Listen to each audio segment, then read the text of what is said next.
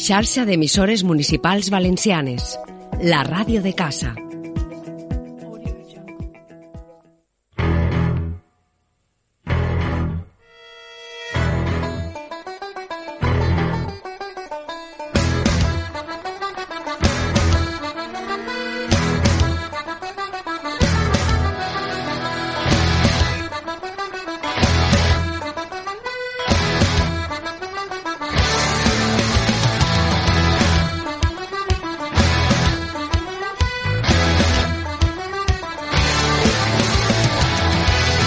Oïdores i oïdors de Ràdio Godella, de la xarxa d'emissores i de les plataformes digitals d'este programa. Molt bon dia i gràcies per acompanyar-nos una setmana més en este viatge cinematogràfic que vos proposem cada set dies.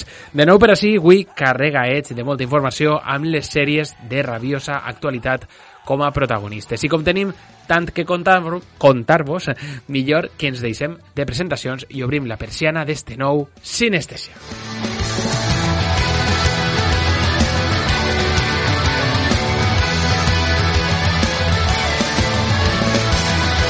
Què tal, eh, Lluís Aranxa? Bona vesprada, com esteu? Hola, què tal, com esteu?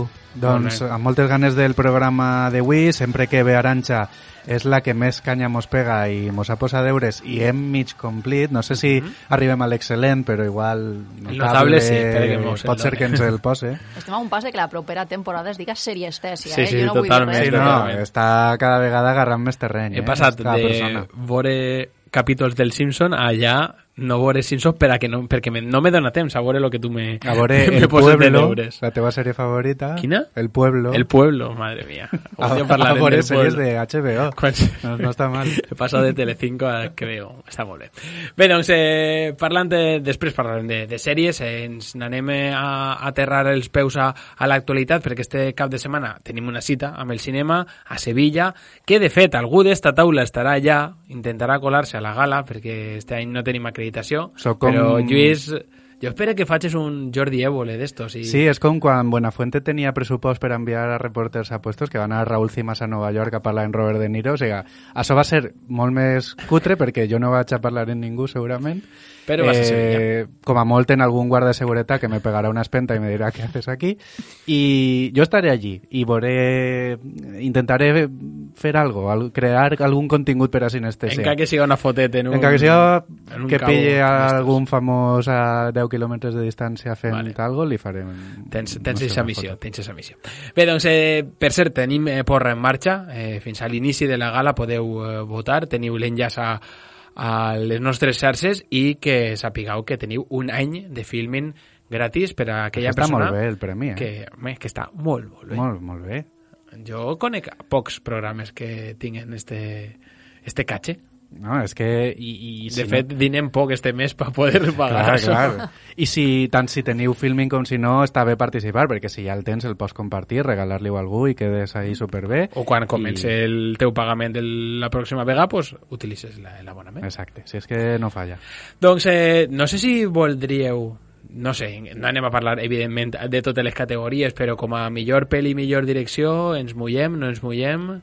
Estem ajudant ja a la porra, bueno, després no acertarem No, nosaltres. evidentment nosaltres no tenim cap.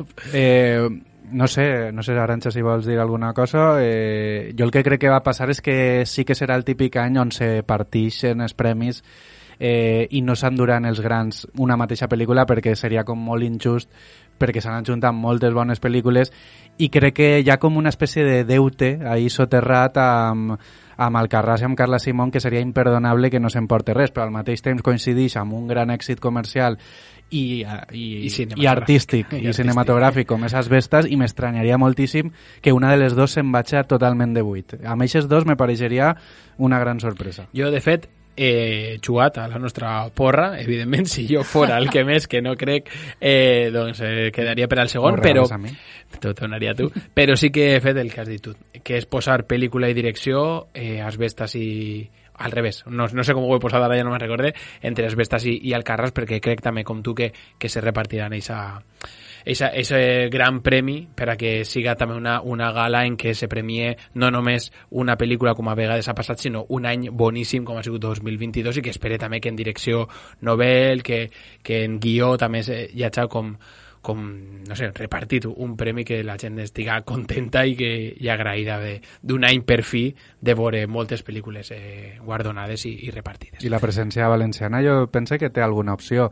Eh, no tant precisament les de l'agua, crec que Luna i Helena ho van a tindre prou difícil, esperem que s'emporten alguna sorpresa, que és una pel·lícula que portem reivindicant molt de temps, però Susi Sánchez en l'actuació de Cinco Lobitos crec que sí que pot no seria gens descabellat de fet, que, ven, que venen dels, venen dels eh, Feroz eh, guanyant, mm -hmm. o sigui que... Per això, que, que se reforça, i La Gàbia, el curtmetratge de d'Adana Aliaga, tampoc seria tan descabellat per la temàtica, per eixe final, per, per el que suposa. Mm -hmm. No sé, ja veurem. A més, un any on estan representades històries que s'allunyen un poc del centre i del que estem acostumats a veure, se'n van a la perifèria a contar històries molt més locals i ses mirades a mi em fascinen mm -hmm. i m'encanta que tinguin un lloc i a més, com dieu, que donen la impressió que va caure tan repartit perquè així com en els últims anys dels Oscars sí que veus que tot se'n va cap a una tendència, este any els Goya és espectacular la diversitat que hi ha.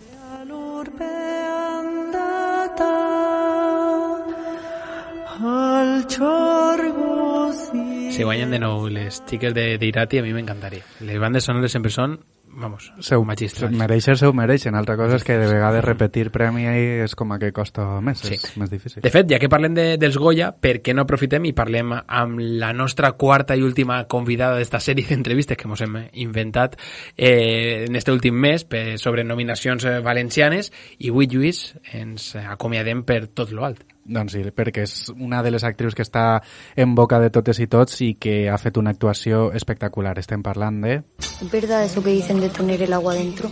Es que últimamente siento que me ahogo. Aquí todo el mundo se ahoga. Pues vámonos de aquí. todo el que entra en esa casa termina escaldado. De ahí no sale mujer buena. Eixa veu que escoltàvem era la de Luna Pamies, eh, actriu revelació, una de les nominades, una de les millors interpretacions per a l'Acadèmia eh, Novels, diguem, d'enguany. De, L'actriu d'Oriola està avui amb nosaltres a Sinestesia i és un veritable plaer poder parlar amb ella.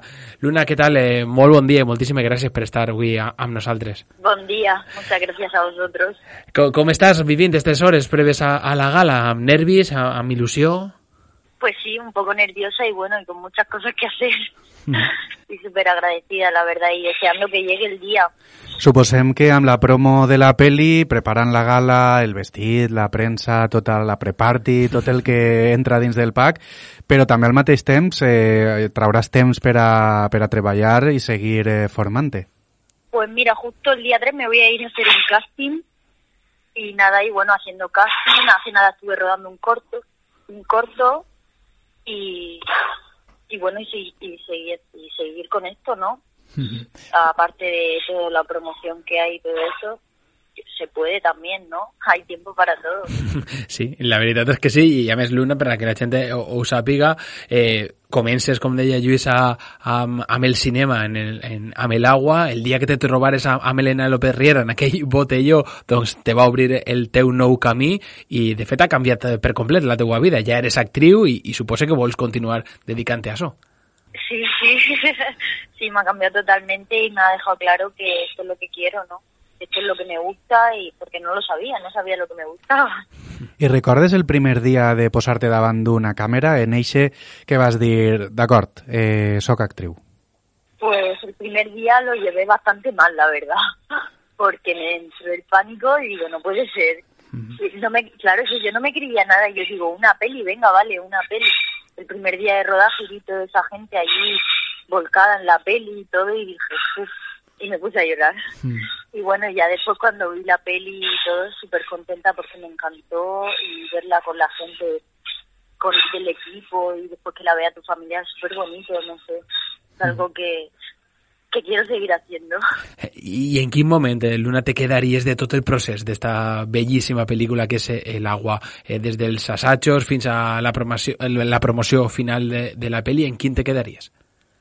En el rodaje, no sé, es que llegaba a mi casa y era como no paraba de, de hablar del rodaje. A mi madre me estaba volviendo loca con la película y era como quiero llegar otra vez el día siguiente para rodar, no sé.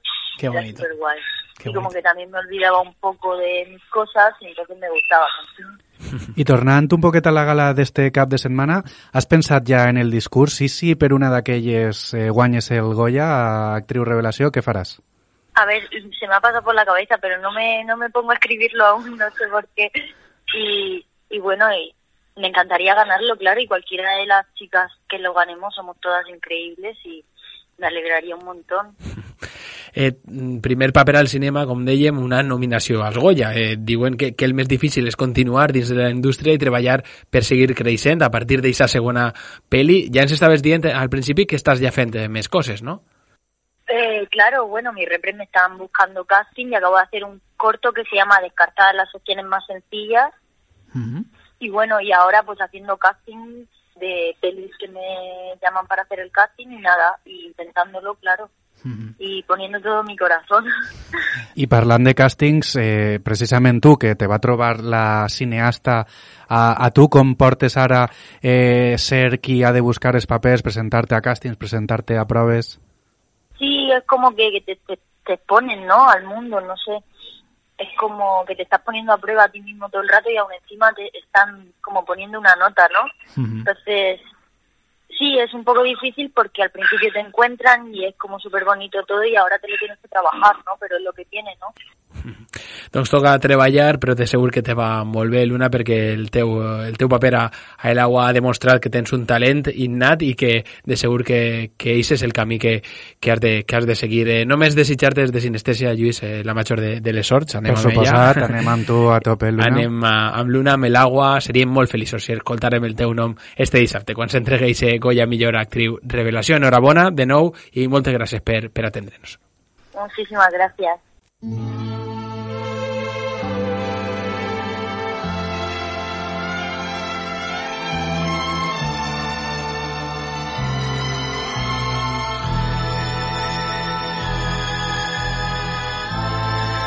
Doncs eh, gràcies a, a Luna per atendre'ns. Eh, ha sigut un plaer poder eh, robar-li uns minutets abans de... res, abans de, de la gala per poder parlar. parlar. Sí, també agrair a, a Rafa Molés, a Suica Films i a Elena López Riera també per ajudar-nos amb les gestions per, per poder Sí, arribar eh, fins a l'una. Eh, moltíssimes gràcies i moltíssima sort. Continuem amb l'actualitat abans de parlar de, de sèries, ho fem amb les estrenes ràpidament, però és que esta setmana arriben alguns títols que de veritat que mereixen molt la pena anar al cinema.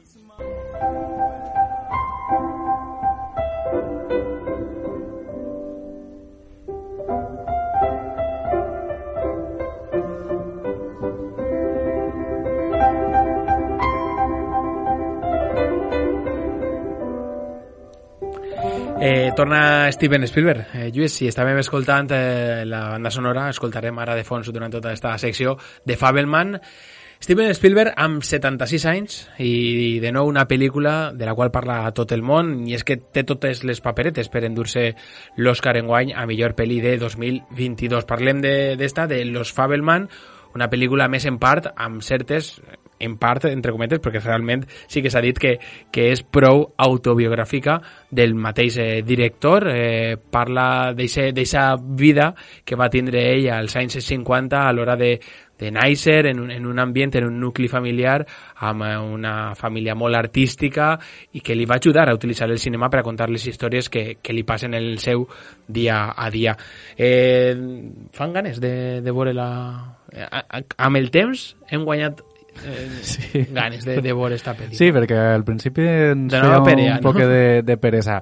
Eh, és cert que Steven Spielberg, quan es posa en mode superdirector i superdivertit, eh, és que no té rival. És un, una persona que sap molt bé com fer que les escenes estiguen plenes de, de vida.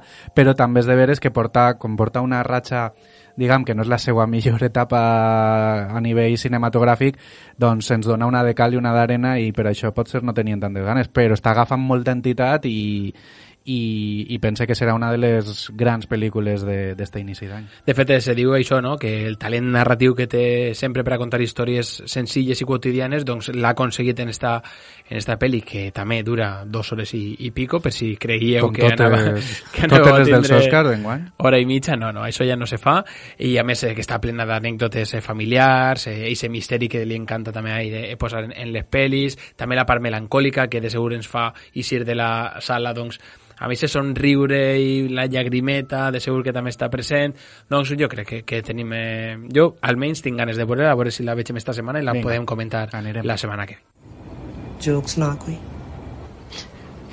Ek मच्छर नु murgi nal pyar ho gaya. मच्छर तो murgi ne Pappi ki te. De Matxar per fer to Maria. Altra gran estrena de la setmana, Lluís, l'últim premi del jurat al Festival de Cannes. Doncs sí, estem parlant de la pel·li pakistanesa eh, Joyland, una pel·li que posa el focus en un tema tabú a l'Orient Mitjà, com és la transexualitat. Eh, bueno, tabú en, en molts llocs, per, per desgràcia. Eh, també parla d'erotisme, de tot allò que envolta el cos, la llibertat sexual i d'identitat i, i la sinopsi és que un eh, jove d'una família patriarcal i tradicional comença a treballar a una companyia teatral eròtica enamorant-se de la seva companya trans. Eh, tot això, quan arriba a les oïdes del pare de la família, doncs vos podeu imaginar, ahí està el, el veritable conflicte. I, a més, eh, he llegit que, que pareix que deixa un gust eh, positiu la, la pel·lícula, que té aquesta part emotiva que, que s'agraeix de vegada en quan, que no siga tan dramàtica, tan, tan dura, tan plena de ràbia no? en, en, el missatge final i que crec que, que això he llegit de, de la crítica que, que ja l'ha vista i que doncs, pot, pot agradar. També dir que dirigís Saim Sadik, que no el coneixereu perquè és la seva primera pel·lícula i que en la primera pel·lícula doncs, ja tingués, ja tingués aquest reconeixement de Cannes, doncs sempre és una, una passada. I també que en la, prima, en la primera pel·li te donen diners per a fer una pel·lícula amb aquestes temàtiques també és molt, molt estrany però vaja sí, eh, era, crec que era coproducció també amb els Estats Units nosaltres no sé si eh, rodat ens l'apuntem també per a, per a veure és que ara hi ha moltíssimes coses moltíssimes però coses esta és necessària també. sí, eh, dir eh, breument que s'estrenen altres coses interessants com la nova pel·li de Fatia King que tu creies que ja estava mort i no, encara sí. estava de parranda es diu Shatar, és un biòpic sobre el cantant de rap turc eh, aixina, Shatar pareix que va tindre aquesta vida que tot raper necessita per a triomfar i, i posar-li lletra a les seues cançons, que és eh, una vida horrible, després doncs, eh, Bugattis i cadenes d'or. A mi, jo l'he vist el trailer i no m'ha petit absolutament res. Fatih Akin és també un director super irregular, però que quan està en el seu prime és, és un crack. Este biopic, si no t'interessa el, el protagonista en si, i és número uno en els cinemes a Alemanya perquè és un tio que mou moltíssim, moltíssima gent, entenc que, que allí puga triomfar, jo no vaig a... Jo vaig a escoltar a Shatar. Sí? Posatelo, ja veuràs, ja veuràs que, que, que ricura. I els videoclips també són, vamos, una, una xolleta. Després, i ja per últim, per als amants de terror, La niña de la comunión, una pel·li sobre aquesta tradicional història que totes i tots hem escoltat alguna vegada d'una xiqueta que vas conduint i se t'apareix a una carretera perduda i a més va en tratge de comunió. També l'hem vist en La nòvia, no? en una versió, hi ha moltes versions, però eh, jo he vist la seva facturació i té molt bona pinta, vull dir, a nivell eh, visual, no sé si després estarem eh, davant d'una pel·li eh, típica, però és veritat que tant la promo com, com el que s'ha mostrat eh, ja feia temps que no veiem cinema espanyol de terror així, eh, llevant de Paco Plaza, així que mm. d'agrair també que, que arribi algo així a, a les nostres pantalles. En el nombre del Padre, del Hijo y del Espíritu Santo. Amén. ¿Dónde está tu muñeca, princesa?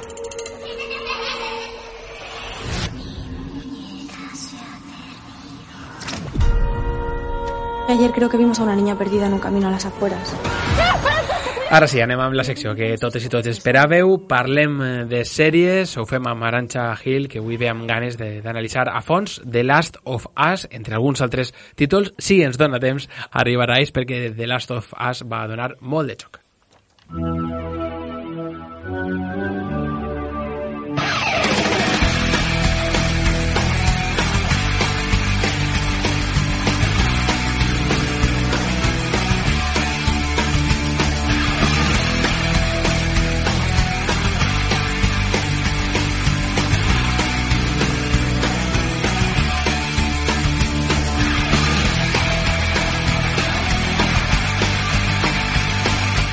estem al principi de febrer i jo ja vindria a dir-vos que ja s'ha estrenat la millor sèrie de l'any. Vinc dient-ho ja des de fa tres setmanes, sóc d'aquestes persones.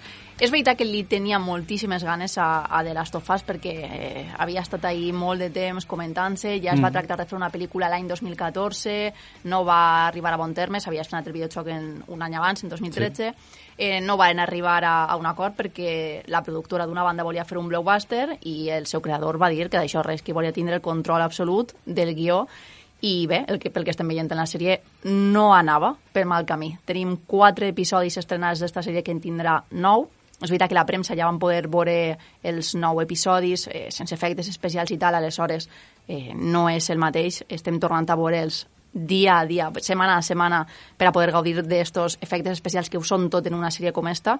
I bé, és un dels títols imprescindibles de la temporada també dels últims anys, ja no és solament per l'impacte que està tenint en les xifres d'audiència, que és una barbaritat, o sigui, està fent que HBO Max trenque setmana a setmana totes aquestes fites que havia aconseguit recentment, i a més està, fent tot, està sent tot un fenomen social perquè està generant conversa setmana a setmana en les xarxes socials, que és una uh -huh. cosa que possiblement no veiem des de l'època bona i gran de Xoc de Trons. També, spoilers, això és un patiment, la veritat, o sigui, si no has vist l'episodi a les dues hores d'haver-se emès, Eh, no pots entrar a Twitter. No pots, directe, no, a Twitter, a Instagram no mm. pots entrar a cap lloc perquè és veritat que és un problema. Bé, estem parlant d'un món postapocalíptic, estem parlant de zombis, trobem decenes d'exemples, això s'ha contat moltíssimes voltes, tant a la televisió com al cinema, i tenim molts exemples. De fet, el més evident és The Walking Dead, que va tenir una molt bona primera temporada, però a partir d'ahir ja eh, la cosa va anar un poc caient i ja, de fet, ha continuat caminant fins a l'infinit cap a eh, el pitjor de jocs possibles. Però, en canvi, eh, de Last of Us ens presenta una postal que sí que és cert que hem vist infinitat de voltes i que complís tots aquests jocs comuns que comentarem ara després, però s'està postulant eh, a ser la millor sèrie de l'any. Què la fa diferent? Anem a escoltar breument el tall i ja comentem.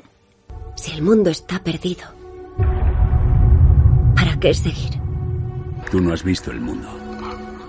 No lo entiendes. Sigues por tu familia. ¿Ya no soy tu familia? No. Eres mercancía. ¿Por qué eres tan importante? En el oeste buscan una cura. Lo que más les impresionaba era que no me convirtiera en un monstruo. Si vas a venir conmigo, harás lo que te diga cuando yo lo diga. Si has llegado hasta aquí, ya sabes lo que hay fuera. Una banda sonora espectacular de Gustavo Santaolalla, qui també li posava música als sí, videojocs, sí. persona que ha guanyat dos premis Oscar per Brokeback Mountain i Babel i que pues... ens guia per este viatge que és, que és recórrer el món que ens presenta de Last of Us. Bé, parlem de que és una sèrie diferent i suposa que coincidirem en esta taula, ja que heu vist quatre episodis, que és molt més que una sèrie de zombis infectats. Això també està generant prou controvèrsia perquè no són uns zombis a l'ús, però dir infectats és com que sembla que estem anant cap a este món d'utilitzar altres paraules. El cas és que és una sèrie que ha, ha fet que sorgiren moltes comparacions amb ella molt ràpidament. Es parla de La carretera, de Cormac McCarthy, també alguns els recorda a Hijos de Hombres, de Cuarón. No és tampoc casual cap d'aquestes coses, perquè és veritat que Cormac McCarthy va ser una gran inspiració a l'hora de crear el, el videojoc. I el cas és que sí que és cert que és una sèrie que molt més enllà de parlar-nos d'este viatge físic i literal en el qual els dos protagonistes han d'anar des d'un punt A a un punt B, també es parla d'un viatge emocional i de les persones de qui, el camí que han de recórrer també ells mateixos en la seva personalitat per a sobreviure a esta fi del món que se'ns planteja en, en esta sèrie. Mm. Per a posar un poc de context per a qui, per exemple, no ha vist encara cap episodi o ha pogut escapar de eh, tot, totes aquestes setmanes el que s'està parlant, eh, és una sèrie que està basada en un dels videojocs més importants dels últims anys i és important precisament perquè es va lligar per primera volta l'adjectiu cinematogràfic a un videojoc. Importava molt del que s'estava contant, tenia moments d'escenes de 5, 6, 7, 8 minuts en el que estaves completament dins d'una pel·lícula i aleshores això va marcar molt el, el món dels videojocs com l'entenem avui en dia.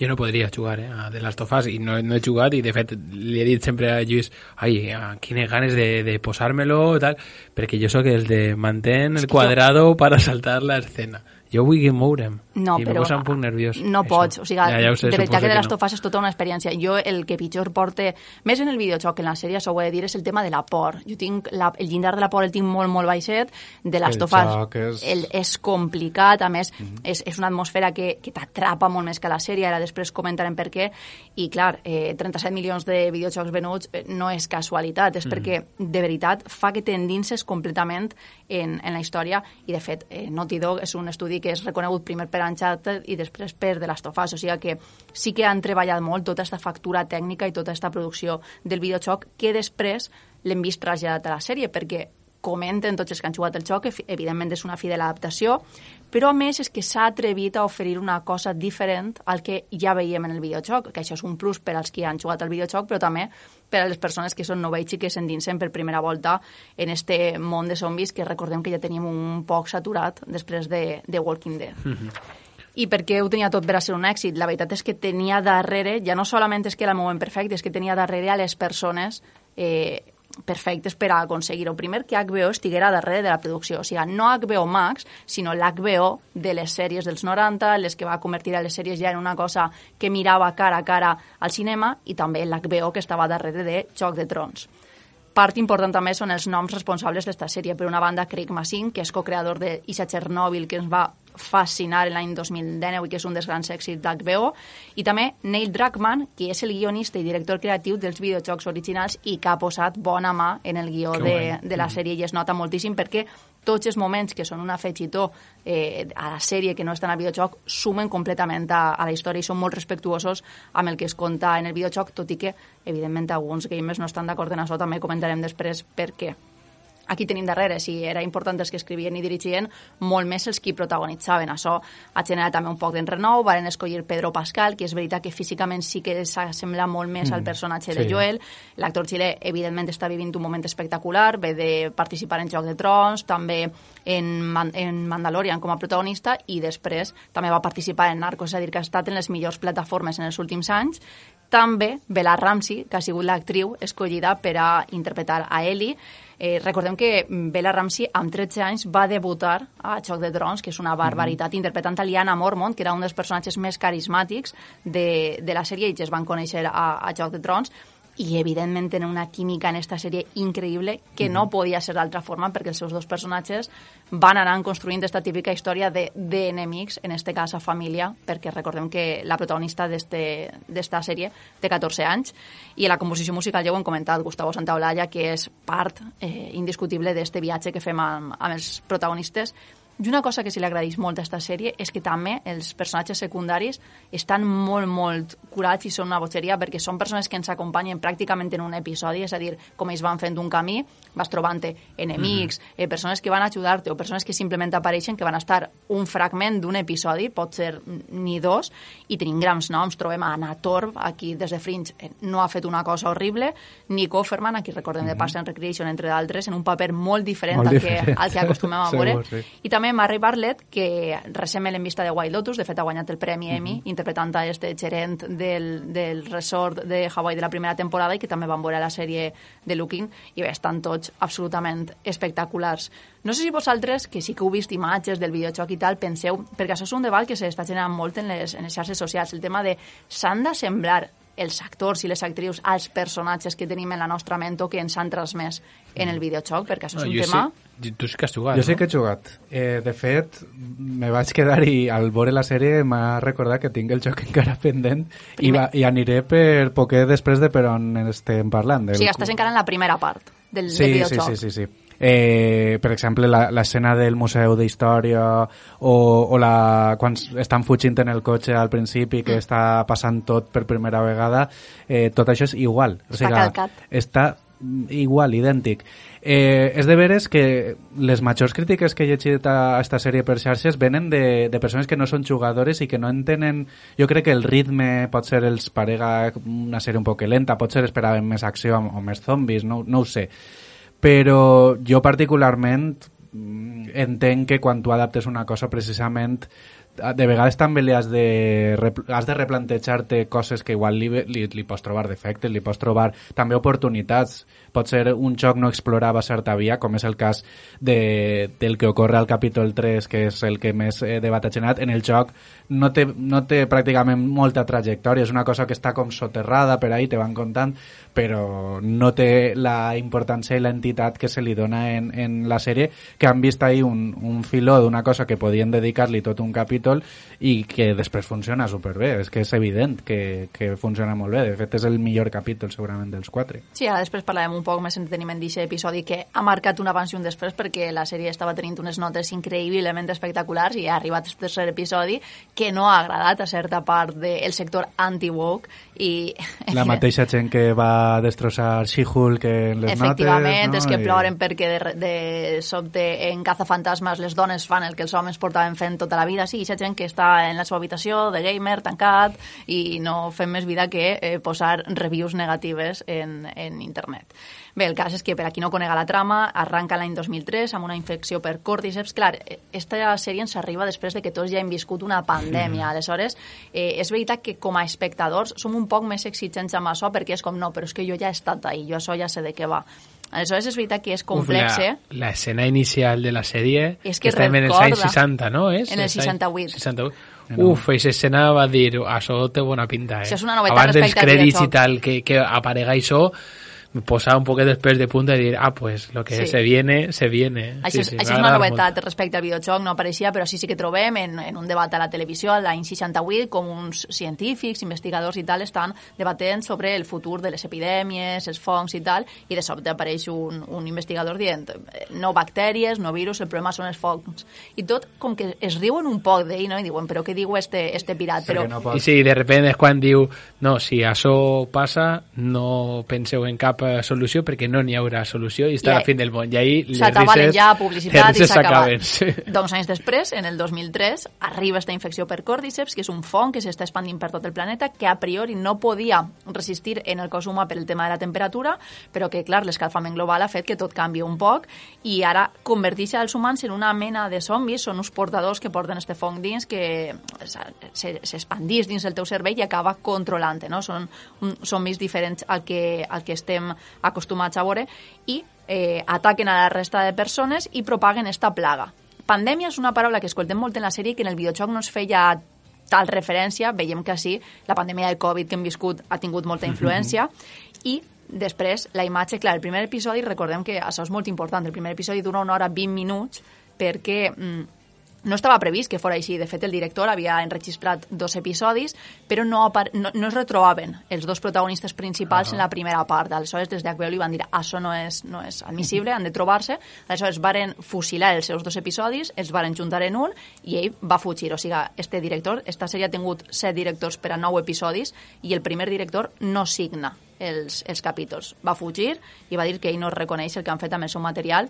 Jo reconec que a mi és un episodi que se'm passa rapidíssim, et mostra Mhm, molta sí. informació, eh, perquè et presenta molts personatges en un espai de temps molt gran, i veiem això, eh, tornem a trobar-nos amb un personatge que ja coneixíem de 20 anys abans, ara trobem a un Joel que s'ha convertit en un contrabandista, que és dur, que és hostil, que ho ha perdut pràcticament tot, no vull entrar tampoc en massa spoilers. I que per a estar vivint una pandèmia ha envellit molt bé. Ha envellit molt bé, o sigui, la veritat. Està molt guapo, sí. Què merda és esta? Joel? O sigui, Però jo tinc la aquí? sensació de que tots en general estan envellint molt bé, per això estan enfrontant-se a la fi del món. És a dir, jo de, des Sí, del sí. sofà de ma casa ho veig prou pitjor del que, del que ells es Jo a troben. voltes faig un quart d'hora d'esport i estic molt pitjor. Que, que tots dius, es queixen en no. esta sèrie. O sigui, Sí. Eh, ella ha envellit molt bé, la que la pobra xica que no ha conegut pràcticament res és Ellie, que és una adolescent de 14 anys que ja ha viscut, ha crescut coneixent solament este món. De fet, hi ha escenes increïbles en les que ella vol entrar a un centre comercial simple, simplement per saber què és, o posar un casset en un cotxe per... per Posar-se posar el, eh, el cinturó de seguretat. És, seguretat. és increïble, clar, nosaltres no, no imaginem aquest món, però és veritat que ella eh, ho està vivint tot per primera volta i clar, Eli és molt important perquè ha sigut, de moment que es conega, l'única persona que ha estat mossegada i no ha generat dins la malaltia, virus, no sabem massa bé com dir-ho, el cas és que no s'ha infectat i clar, mantindre-la en vida és prioritari i a més portar-la a l'altra banda dels Estats, dels Estats Units per a que investiguen un poc eh, si ella pot ser la cura i l'única esperança que té la humanitat, perquè això és una cosa que em fascina d'esta sèrie i que no veiem en The Walking Dead, i és que així l'esperança, tot i estar en una situació molt pitjor, no es perd en cap moment. Ells segueixen pensant que un món millor és possible. Eh, un dels temes més importants de- d'esta sèrie és el tema de la producció. HBO li ha dit, Tin, Tot, blanc, tot, vulguis. tot per a tu. Això no podia ser d'altra forma perquè el videojoc ja és un dels que més pressupost ha tingut, era un triple A, és a dir, que a nivell de producció tota la part visual és superpotent. Centenars i centenars de persones varen treballar en aquest videojoc, de fet es va parlar de que tenien eh, jornades abusives de faena, va haver-hi moltes queixes, però eh, després des de Naughty Dog han dit que no, que és que simplement la gent era molt exigent en la seva faena. Jo no sé... Que se quedaven perquè volien. Clar, efectivament. El cas és que eh, el videojoc ja és hiperrealista i també eh, o és la sèrie, ho hem vist en escenes calcades directament. Per a mi un dels moments més increïbles és en el segon episodi quan Ellie ja és d'esta zona de quarantena a la que ha estat relegada tota la seva vida i per primera vegada a la llum del dia i veu esta ciutat completament enderrocada en la que de repent eh, va parar el món perquè quan va, quan va haver es va fer l'avís no, de que hi havia aquesta pandèmia, eh, el que van decidir els governs és una cosa que a mi em fascina perquè pense de veritat que seria el que ocorreria, que va ser bombardeig-ho tot, pega-li foc a tot i ja està. Perquè els morts no s'infecten. Clar, els morts no s'infecten i és com, diuen. estupendo, molt, boníssima idea, molta millor execució.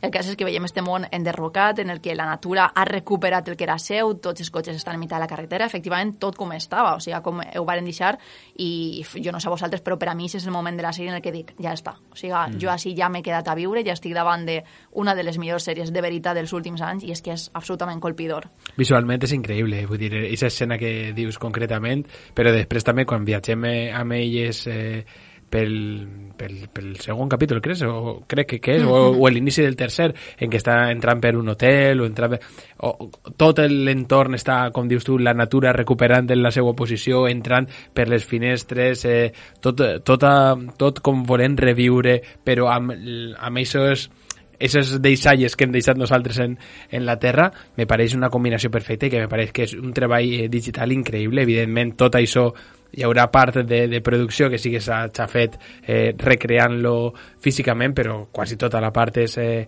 és d'ordinador i me pareix que està molt, molt ben integrat. Eh? Molt, molt, molt Una de les coses més divertides del joc precisament és, és això, com reinventa els espais i, i fa que que estigués en jocs que estan eh, repensats, o sigui, eh, edificis que se tomben, aleshores les coses que haurien d'estar plantades estan del revés, eh, com te genera diferents nivells i, i puzzles que tu has de... Eh, per a poder arribar a un lloc has d'agafar esta fusta, portar-la així, portar-la allí. Precisament és això, és eh, lo, lo xulo que tenen les, les produccions postapocalíptiques és precisament com se repensen els, els mm. mons. No només quins personatges poblen aquests mons, sinó també els espais. Tots eh, quan deixes també de donar-los valor, al final en, en un lloc d'estos un hotel de superluxe ja no té ningú valor i pot tindre més valor un garatge ple de ferramentes, no? I Ai, de fet se diu en algun moment, eh, hi ha algun element que es diu tu no saps el que val això i diu ara mateix eh, res, no val un, un piano, crec que Ah, sí, el piano. en el tercer capítol, sí. En el segon capítol és on veiem eh, com ens explica el personatge d'Anator este tema que s'introdueix en la sèrie i que no existeix en el videojoc, és això de que els fongs estan, no solament estan interconnectant a les persones que s'han contagiat uh -huh. entre si, sinó que a més viuen baix del subsol de les ciutats, es comuniquen al llarg de tot el planeta i poden ser com una mena de GPS que si tu ah, ja sí. fes un fong li diu als infectats on estàs. Això al videojoc no existeix, no, no hi ha GPS, o sigui, simplement et contagies i ja està.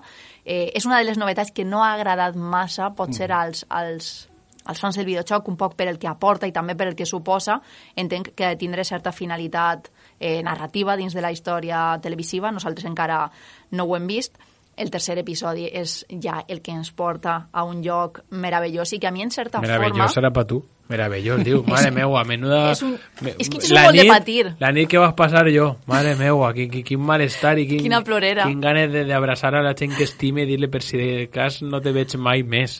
Per favor, Aranxa, me vas obligar a veure-lo per vindre així i te ho agraïs perquè si no, no haguera pogut comentar res, però la veritat és que patir i tu te l'has vist dos vegades a més, que tu ui, també... Me, és, és com l'escena inicial de App, però... Sí. sí. Avui me, avui me l'he tornat a veure perquè o sigui, de veritat volia tornar a passar per això. A mi em recorda molt moltíssim al que me, em fa sentir San Junipero de Black Mirror. Mm -hmm. O sigui, són dos episodis que els he connectat molt en, eh, a nivell emocional que em va fer. Se'ls ha criticat molt perquè això no és cap spoiler perquè està ja en tots els jocs, compten dos dels personatges en, entre els quals s'endinsa se, un poc més en la seva història, són dos personatges LGTBI, existeixen en el videojoc i ja són LGTBI en el videojoc, el que passa és que, clar... Que hi ha gent que diu que no. Però, hi, ha, hi ha gent que diu que no, però perquè, dius, bueno, però vull dir, quan el seu creador et diu que sí... Fíjate por, un poc més. Clar, possiblement has de creure la persona que ha creat el videojoc i no a tu que l'has jugat des de la teua casa. Eh, clar, nosaltres el videojoc el vivim en primera persona en el sentit de que nosaltres som Joel, aleshores ho veiem tot mitjançant la seva mirada i el seu punt de vista. No hi ha temps a endinsar-se en altres històries que no siguin les d'ell i les d'Eli. La sèrie sí que ens permet això, de fet és una cosa que se li agradeix perquè estem coneixent personatges que no coneixíem, no coneixeríem sinó eh, solament en el videojoc mm -hmm. i així veiem aquestes dues persones que per a mi són un moment importantíssim perquè sumen moltíssim a nivell d'història i expliquen a Joel per què és tan important que ell tinga cura d'ell. O sigui, jo note com és el moment en el que ell es troba davant la situació de la vida d'esta persona és més important que la meua. Mm -hmm. Que és una cosa que no havíem vist en els dos primers episodis. En els dos primers episodis esta sèrie et parla de supervivència. Què estàs disposat a fer? Fins on estàs disposat a arribar per a sobreviure a la fi del món? I així ell se n'adona de que és més important protegir a les persones a les que estimes mm. que sobreviure tu mateix. I jo pense, carta, no?, que, que clar, en aquesta carta del moment en final, moment, que pense per a mi que és un dels grans eh, moments d'inflexió. I clar, jo li agraeix moltíssim a la sèrie que s'endinsen aquestes històries perquè pense que estan, que estan aportant molt. A més, cada episodi es pot viure com una aventura independent i en cada episodi coneixem nous personatges que van a ser episòdics i ja està, i que estan sumant. Jo agraïsc moltíssim això.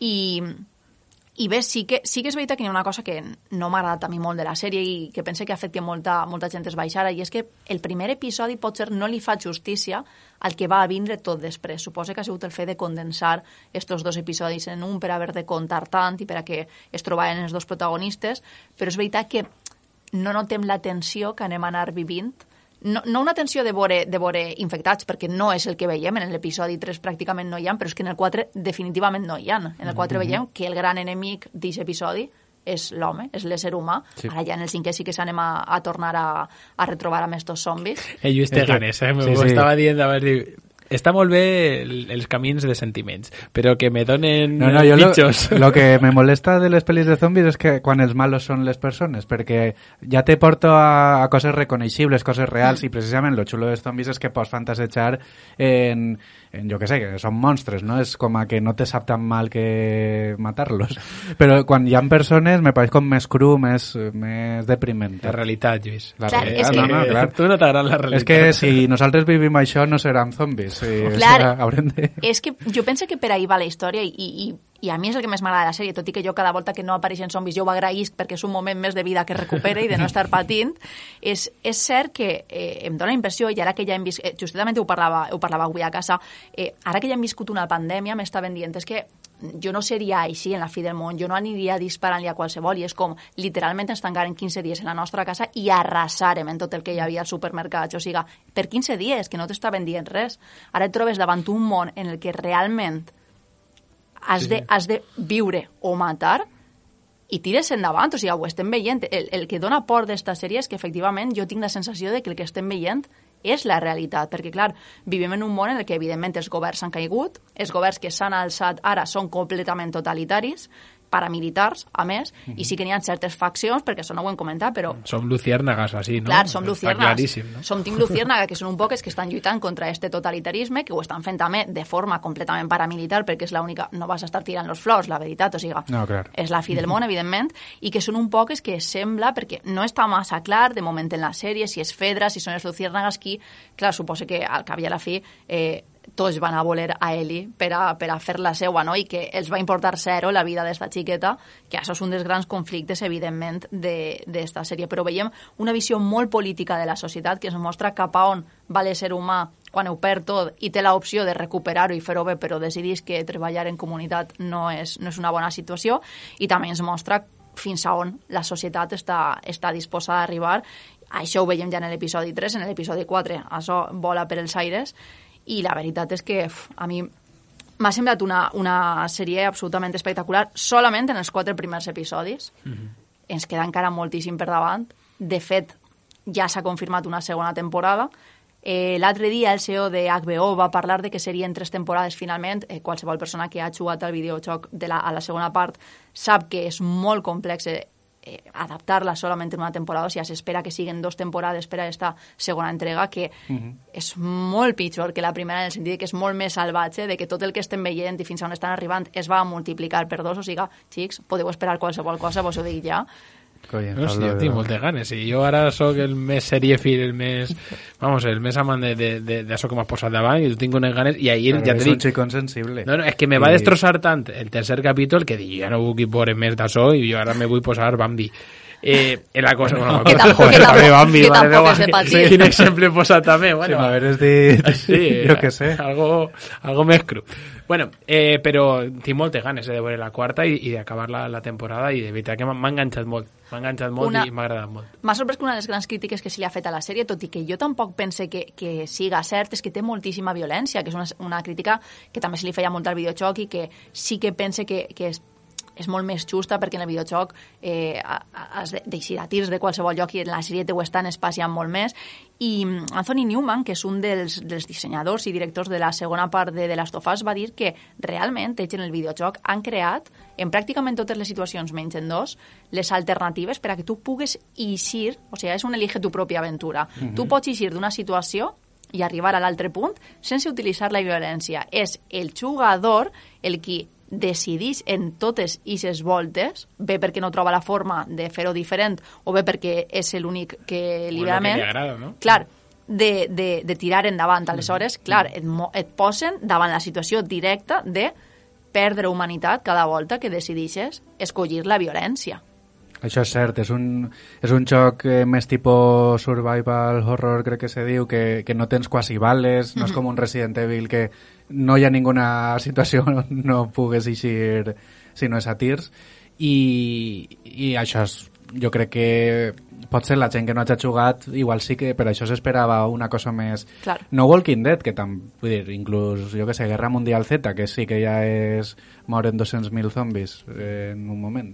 De fet, jo entenc que les crítiques puguen vindre més de, del costat dels jugadors que no dels qui no han jugat mai al videojoc, perquè, clar, eh, no és una experiència tan immersiva. Tu, has, o sigui, tu en el videojoc estàs patint, tu eh, se te, eh, no tens bales i tu estàs agobiat perquè no saps com vas eixir d'aquesta habitació. O sigui, és com que ho estàs vivint en certa forma en primera persona. En la sèrie no, en la sèrie tu eres un espectador, aleshores aquesta tensió en certa forma es redueix. O sigui, Això va passar sempre, no? Que- Clar, efectivament, que, clar, per no això puc entendre comparar. que aquestes crítiques de, de que no hi ha tanta acció vinguen de les persones que han jugat el videojoc, però precisament per haver jugat el videojoc saps que aquesta acció no és el més important de The Last of Us, sinó és este viatge en el que aquestes dues persones van coneixent-se, veus com va enfortint-se la seva relació, veus, veus com tenen conversacions superimportants, el personatge d'Eli a mi em sembla una fantasia, perquè és una adolescent, recordem que té 14 anys, és divertidíssima, eh, van canviant, eh? o sigui, sí que veiem com, com fan viatges totalment contraris els dos, però ella, des del primer moment, con tant acudits, quan estan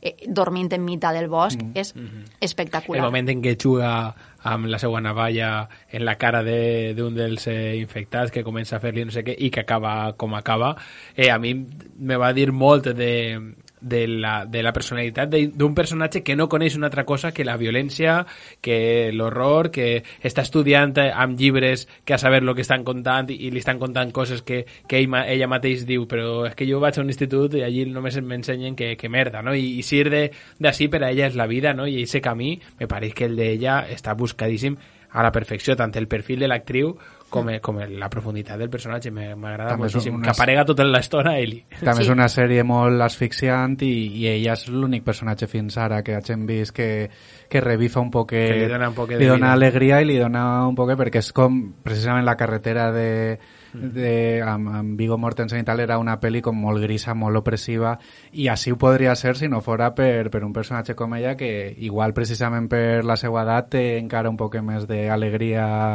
o esperança en la vida. Sí, jo, a mi em dóna la impressió de que ha acceptat un poc quin és el seu destí perquè ja ho té claríssim des del primer Clar. moment, o sigui, ella sap el que és i sap el que li espera i sap per què l'han deixat en vida quan a altres persones han acabat amb elles i pense que ha decidit fer este camí de la millor forma possible també perquè jo tinc molta esperança en ella i en el joc que, que ens va donar en esta temporada.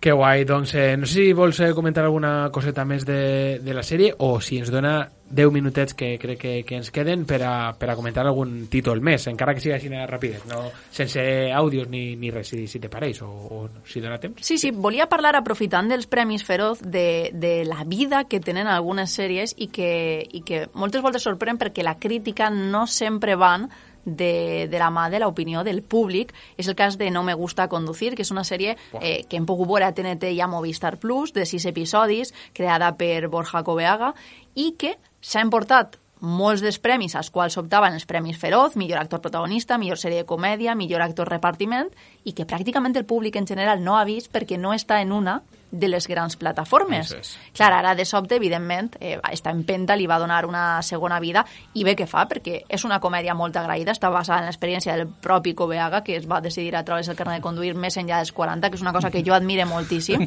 perquè no sé com algú ha pogut viure tota la vida sense cotxe, o sigui, ho admire moltíssim. I, clar, eh, no és una persona qualsevol, Coveaga és una, un habitual de Vigalondo, de Coldo Serra, eh, ha treballat molt amb Diego San José, que és l'artífex de Bota Juan, i ara el veiem ja endinsar-se per primera volta en una sèrie que és seua única i exclusivament i que funciona molt bé.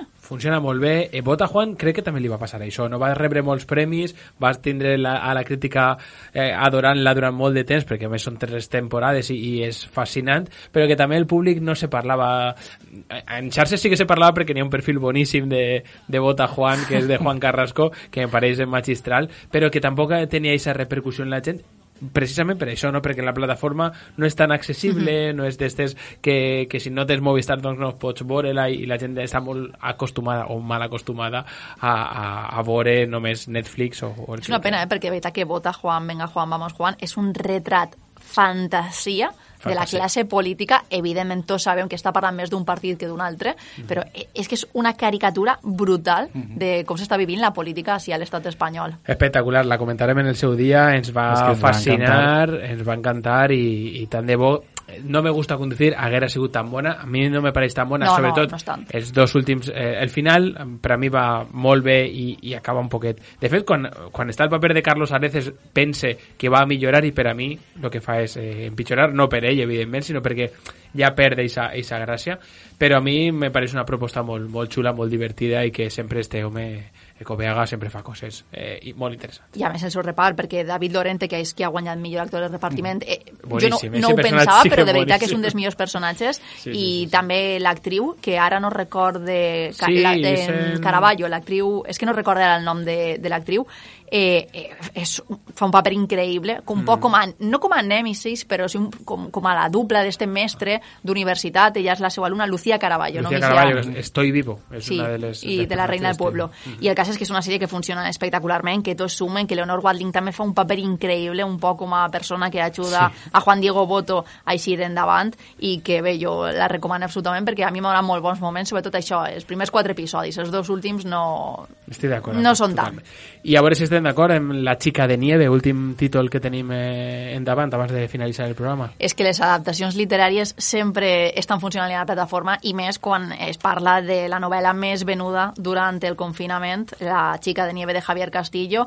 Clar, eh, des de que tenim dades en Netflix, que recordem que no estan ni la primera temporada d'Elite ni la primera temporada de La Casa de Papel, La xica de nieve ha trencat totes les xifres d'audiència per a una sèrie de parla espanyola. Bueno. I bé, és un thriller que és veritat que s'assembla molt a la novel·la, també és una adaptació molt fidel, ha destronat a Soy Georgina, i bé, és un thriller amb un ritme superpausat que enganxa i entretén, que és, el seu, és la seva idea principal, sis episodis en els que de principi a fi manté la teua atenció i et dona aquest misteri. Canvia algunes coses respecte, respecte a la història original. Bàsicament és la història d'una desaparició i com l'estan buscant. Una periodista, un altre periodista més veterà i un policia. Mhm. Bàsicament, i són les... El repartiment, jo és que tinc algunes cosetes en, en la protagonista, en Milena Smith. O sigui, és veritat que a mi em, em costa A veure, veure-la. és que Milena Smith és d'Elx, val? i no se pot dir res dolent d'Elx perquè No. Lluís eh, No, no, estima no. la seva ciutat per part de pare. No sé per- Però jo amb Milena Smith tinc un problema i és que quan li dones un paper eh, de naturalitat me costa creure-me-la. Que venim de veure-la en Machos Alfa, fent d'influencer, fa res. Ah, sí. Clar, era Milena Smith. A veure si m'estic equivocant, però equivocant. pense Milena que sí. Smith no apareix en, en Machos Alfa. No, no, no, de totes formes, eh, jo me recordo, com se diu, la de No mataràs. Va a ser la de, Ma- la de Mario Casas Sí. o va a estrenarse Milena Sí, Smith. sí, la segunda Ahí tiene un primera. paper de bochísima, de, de Cert, cert, trastornada, cert, no de trastornada i tal, i aleshores ser, er- era un paper fàcil de fer i, i per estrenar-se davant de la pantalla està bé, però quan li poses una periodista en la que has de mantindre aquesta línia de normalitat a l'hora de- de- de- d'actuar, pues sí que me dona la sensació que, que, que bueno, que a mi no, me- no me- no m'arriba a caixar. Però jo no tinc un problema amb Milena Smith perquè ella és jove i té Sí, molt sí, de té- futur. té molt de tinc futur. un problema amb José Coronado. José Coronado ho sé moltíssim, però José, no, no, no me qualla, no m'agrada, no m'agrada. José Però és cert que me passen aquests protagonistes, perquè també amb Aixa Villagran estem acostumats a, a, a veure-la fent comèdia, en Vida Perfecta ho feia increïblement bé, i així la veiem en un altre registre, i és com que el cast en general d'esta sèrie no és que no m'agrada com ho fan, però és que em perturba un poc. És veritat que no són a les persones que haver escollit no. per a aquests papers. té ahí un, esa sensació de... Me, me sap mal dir-ho, però vaig a dir-ho. Dis-ho. De, de sèrie espanyola que, que me recorda a, a, a, un, a una època de sèrie espanyola que no qualla amb ella. A I aleshores està Guàrdia. a farmàcia de guàrdia, més o menys per esa, per esa època. I aleshores el, el, que, el que me sap mal és això, que, que me dona la sensació de que, de que està veient un producte nou i, i divertit, divertit, atrevit eh, i, i, i modern en certs aspectes, però que la part de les actuacions, doncs eh, si ara Jordi Coll agafara el micro i parlara de lo que pensa ell sobre aquest tipus d'actuacions, que de, de lo que jo m'estic referint, crec que estaríem en, en sintonia. O sigui que Eh, me me l'ha vist, me l'ha... I la història funciona, eh? és a dir, Javier és això. Castillo està darrere de l'adaptació, es nota, està la productora de la Isla Mínima i es nota, però el que més me falla, i em dol molt dir-ho, són les actuacions, perquè és una de les parts més importants d'una sèrie. Pues estic super d'acord amb tu, mira. Hem coincidit a, a la perfecció. Ja sona cançó en un volum més alt i això significa que ja hem de- d'acomiadar-nos. Abans Oh. de res, eh, hem d'agrair de nou el treball que ens du sempre Aranxa perquè ha sigut increïble conèixer de les tofes eh, amb esta profunditat. Eh, Se nota que l'estimes. L'estimo molt, la I que veritat. parlarem d'ella de segur quan, quan acabi la temporada i la recordem un poquet a veure com ha anat aquesta segona fase de... A més que de- per les setmanes que ve Aranja crec que, Crec que la propera menos estarà acabant o Està allà a punt acabada. d'eixe nove, nove capítol. Eh, Lluís, és cançó final. Eh, sí, estem escoltant Tender del grup eh, Blur, eh, Sono After Sun, altra pel·li que també ha deixat... Blur, eh, té més cançons que Song Chu. Sí. Blur. Ah, val, val. Eh, una altra pel·lícula que també ha deixat destrossat a, a la, mm, no sé com dir-ho, a la tuitosfera, a, perquè també és una de les pel·lis que més s'ha parlat. Per, si fora per Twitter, pareixeria la pel·li que més ha recaudat de tot el món. Ens la recomana eh, Carrot barra baixa Flowers, que a més ens va començar a seguir fa poquet, o sigui que moltíssimes gràcies per entrar en la roda de recomanacions i amb ella eh, ens acomiadem. Doncs moltes gràcies a totes i tots per escoltar-nos una setmana més. Eh, tindrem Goya estos, eh, este cap de setmana i la setmana que ve doncs, farem un repasset d'aixòs premis, però també tindrem a, per així a, no sé qui, qui ve, A Sílvia, Al- Sílvia, de Sílvia. sí. Així que tindrem una secció de segur molt xula. Gràcies i ja veurem molt de cinema, però això vos ho diu, eh, Lluís. Sí, moltes gràcies a, a totes i tots, que passeu molt bon cada setmana i que tingueu una setmana plena de bon cinema i bones sèries. Gràcies. Adeu. Oh